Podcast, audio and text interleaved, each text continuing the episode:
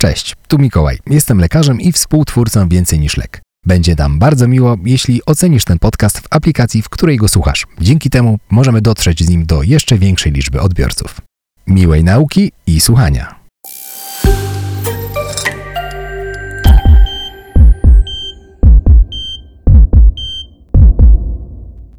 To jest edukacyjny podcast Więcej niż lek.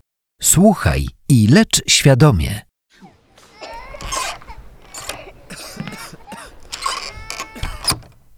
Dzień dobry, zapraszam. Proszę usiąść. Pan Wojciech, 61 lat. To pan? Tak, tak, tak. Dzień dobry. Co pana sprowadza do poradni? No, no, no, hemoroidy. Już kiedyś tak miałem, no. Mhm. Co się dokładnie dzieje? No, pani doktor, mam taką przypadłość. Zauważyłem, że mi krew leci no, z tyłka. No, W sensie z odbytu, tak? no tak, tak, tak, tak. No. Rozumiem. Proszę mi w takim razie więcej o tym opowiedzieć.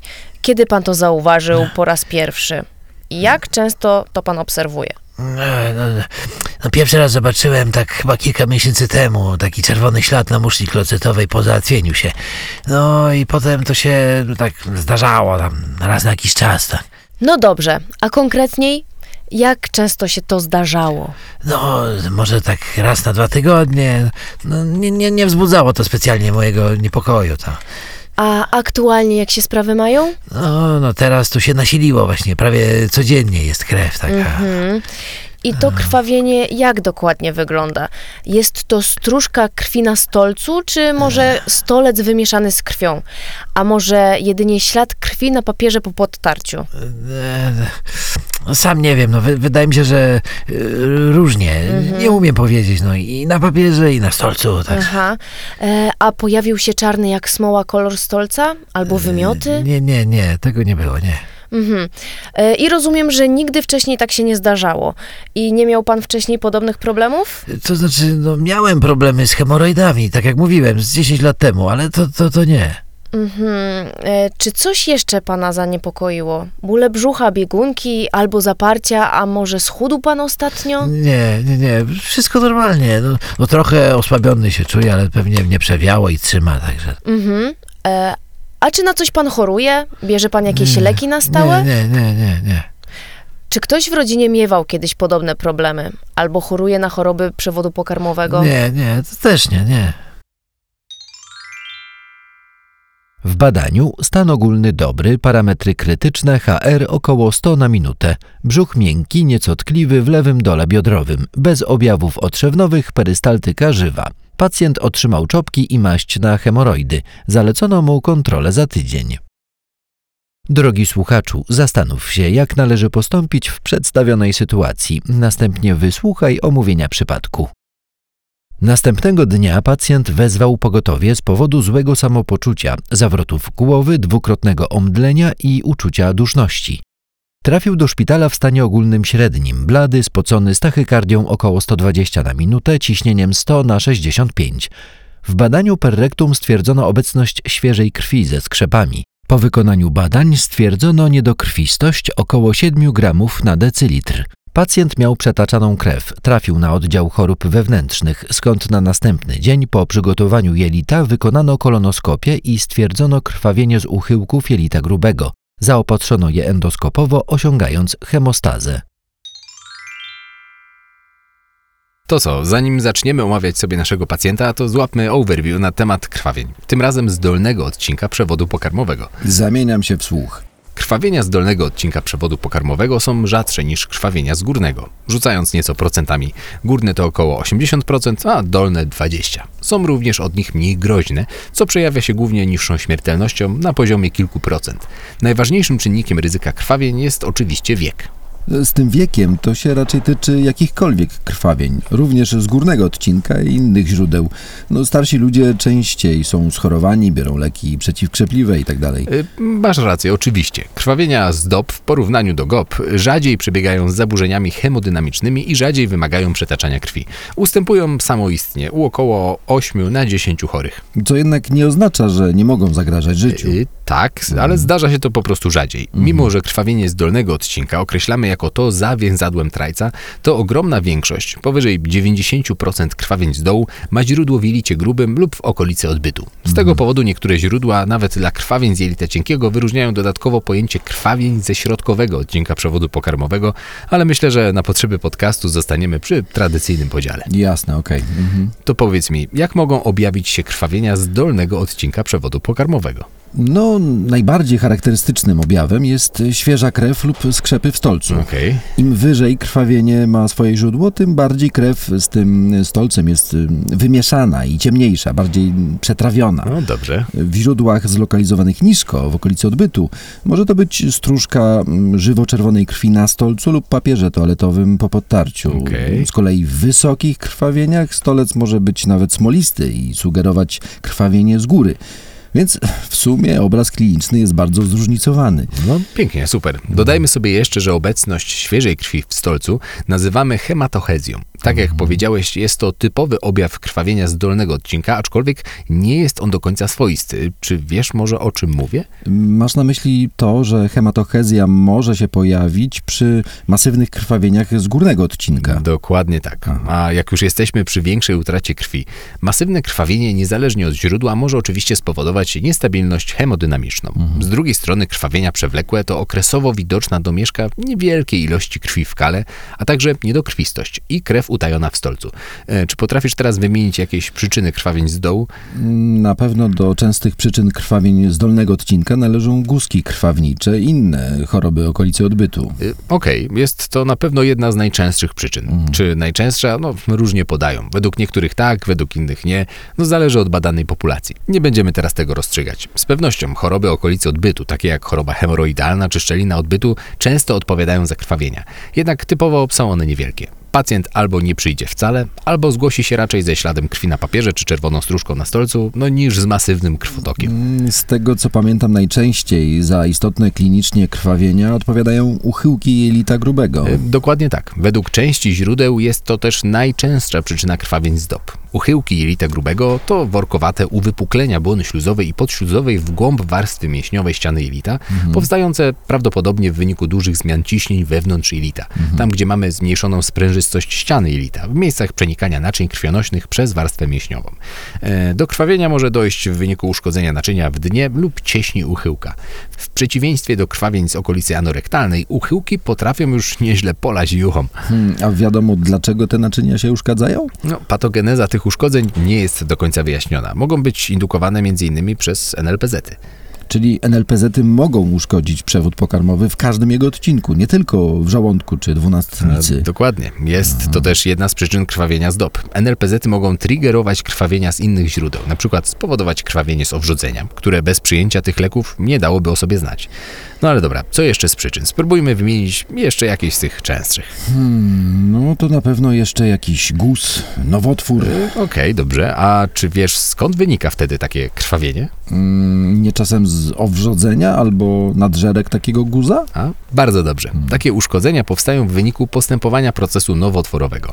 Mogą czasem powodować istotne hemodynamicznie krwawienia. Częściej są to jednak krwawienia przewlekłe lub utajone, prowadzące m.in. do niedokrwistości z niedoboru żelaza.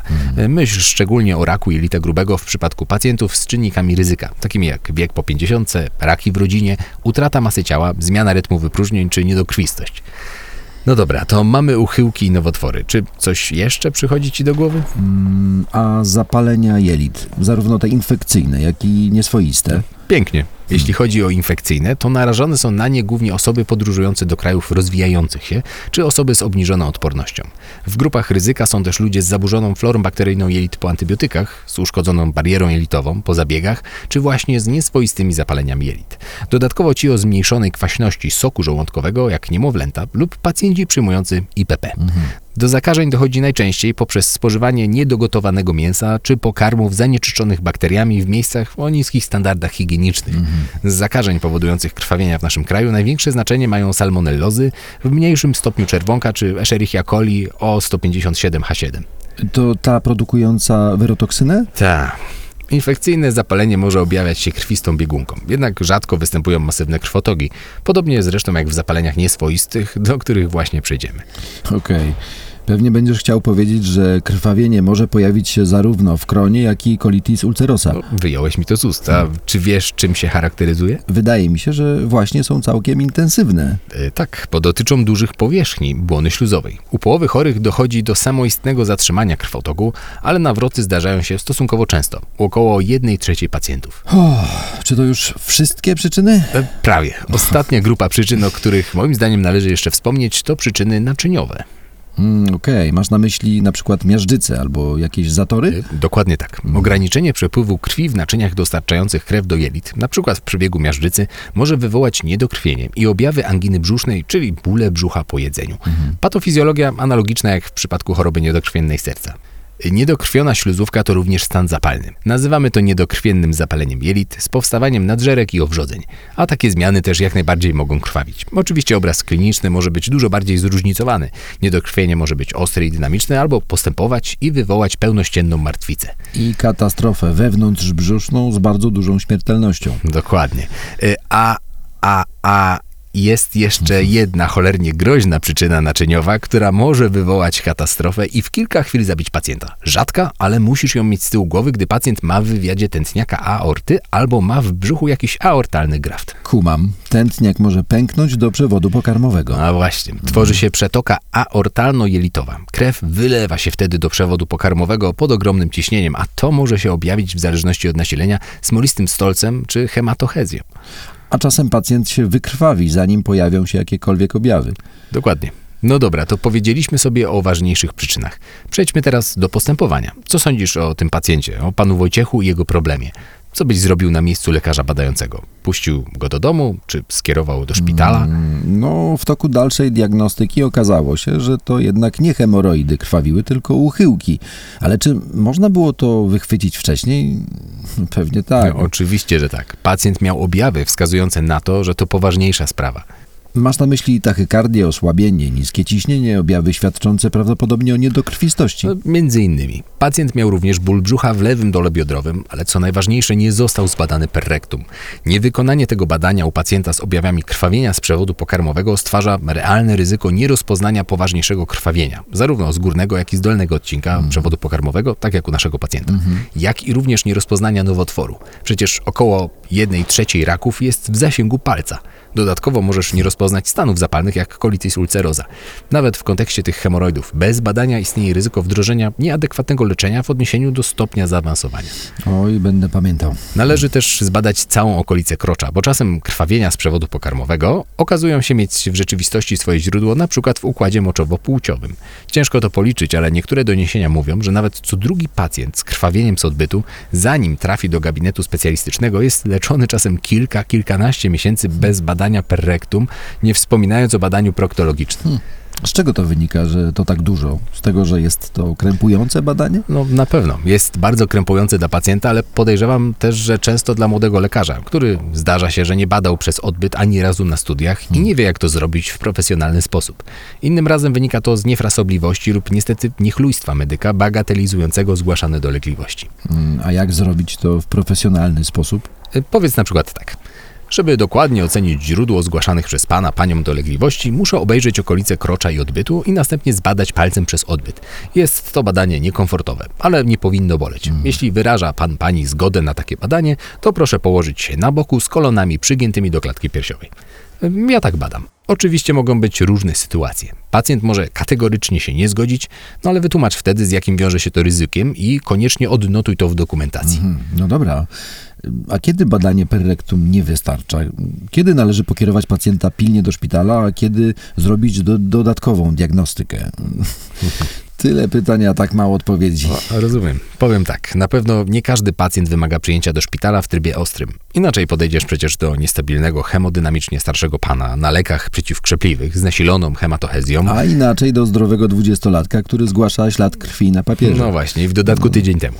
Dokładnie, ten pierwszy bezwzględnie musi zostać w szpitalu. Wymaga intensywnego nadzoru, resuscytacji, zapewne toczenia krwi, leczenia zaburzeń krzepnięcia. Ten drugi brzmi bardziej jak krwawiące guzki krwawnicze lub szczelina odbytu, co będzie można stwierdzić na podstawie badania per rectum lub anoskopii u proktologa w poradni. Do podjęcia decyzji, czy pacjent musi zostać hospitalizowany, może pomóc Ci skala Oakland. Bierze ona pod uwagę dane z wywiadu, parametry i poziom hemoglobiny. Mhm, skala Oakland. Zapamiętam. Okej.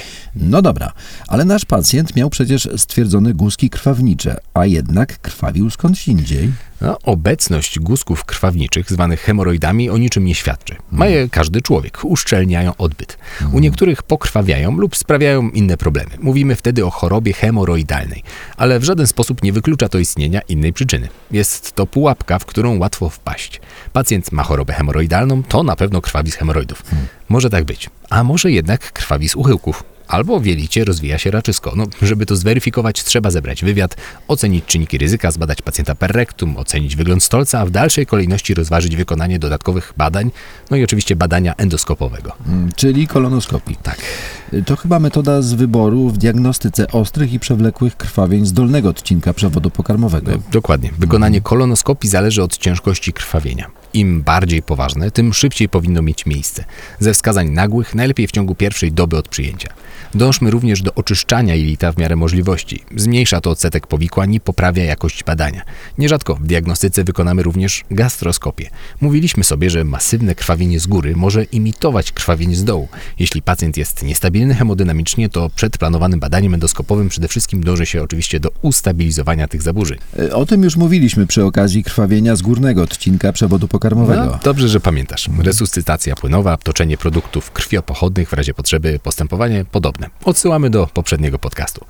W przypadku krwawienia przewlekłego podstawowymi badaniami diagnostycznymi są badanie endoskopowe jelita grubego i górnego odcinka przewodu pokarmowego. Jeśli nie udaje się ustalić źródła, należy zajrzeć do jelita cienkiego. Okej. Kapsułka z kamerą? Na przykład. Są też metody endoskopowe, oceniające jelito cienkie, będące przedłużeniem gastroskopii i kolonoskopii. Można też wykonać badanie tomografii komputerowej lub rezonansu. Pozwala to wykonać projekcję 3D jelita. Nazywamy to badanie enterografią. TK z podaniem kontrastu w fazie angio może być przydatne w ostrych krwawieniach celem znalezienia źródła krwawienia oraz w diagnostyce niedokrwienia jelit. No dobra, super, no chyba to kumam. Dobra, no to na koniec leczenie. Pamiętaj, większość krwawień z dolnego odcinka ustąpi samoistnie bez naszej interwencji. Jednak naszą rolą jest znalezienie źródła i leczenie przyczyny. W przypadku nieustępującego krwawienia istnieje możliwość uzyskania hemostazy metodami endoskopowymi, analogicznie jak w gastroskopii. A jeśli się nie uda, to operacja. E, tak, w ostateczności operacja po zlokalizowaniu miejsca krwawienia odcinkowe, a w wyjątkowych przypadkach subtotalne wycięcie jelita grubego. Dobra, no to teraz możemy zakończyć. A, Czad, dzięki. Zapamiętaj. 1. Krwawienie z dolnego odcinka przewodu pokarmowego to takie, które ma swoje źródło poniżej więzadła trajca. 2.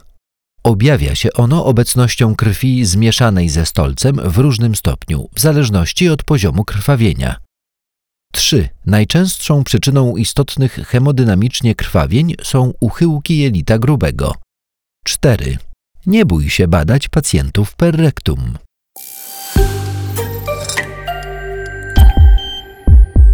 Więcej niż lek. Medyczny portal edukacyjny. Ucz się i lecz świadomie.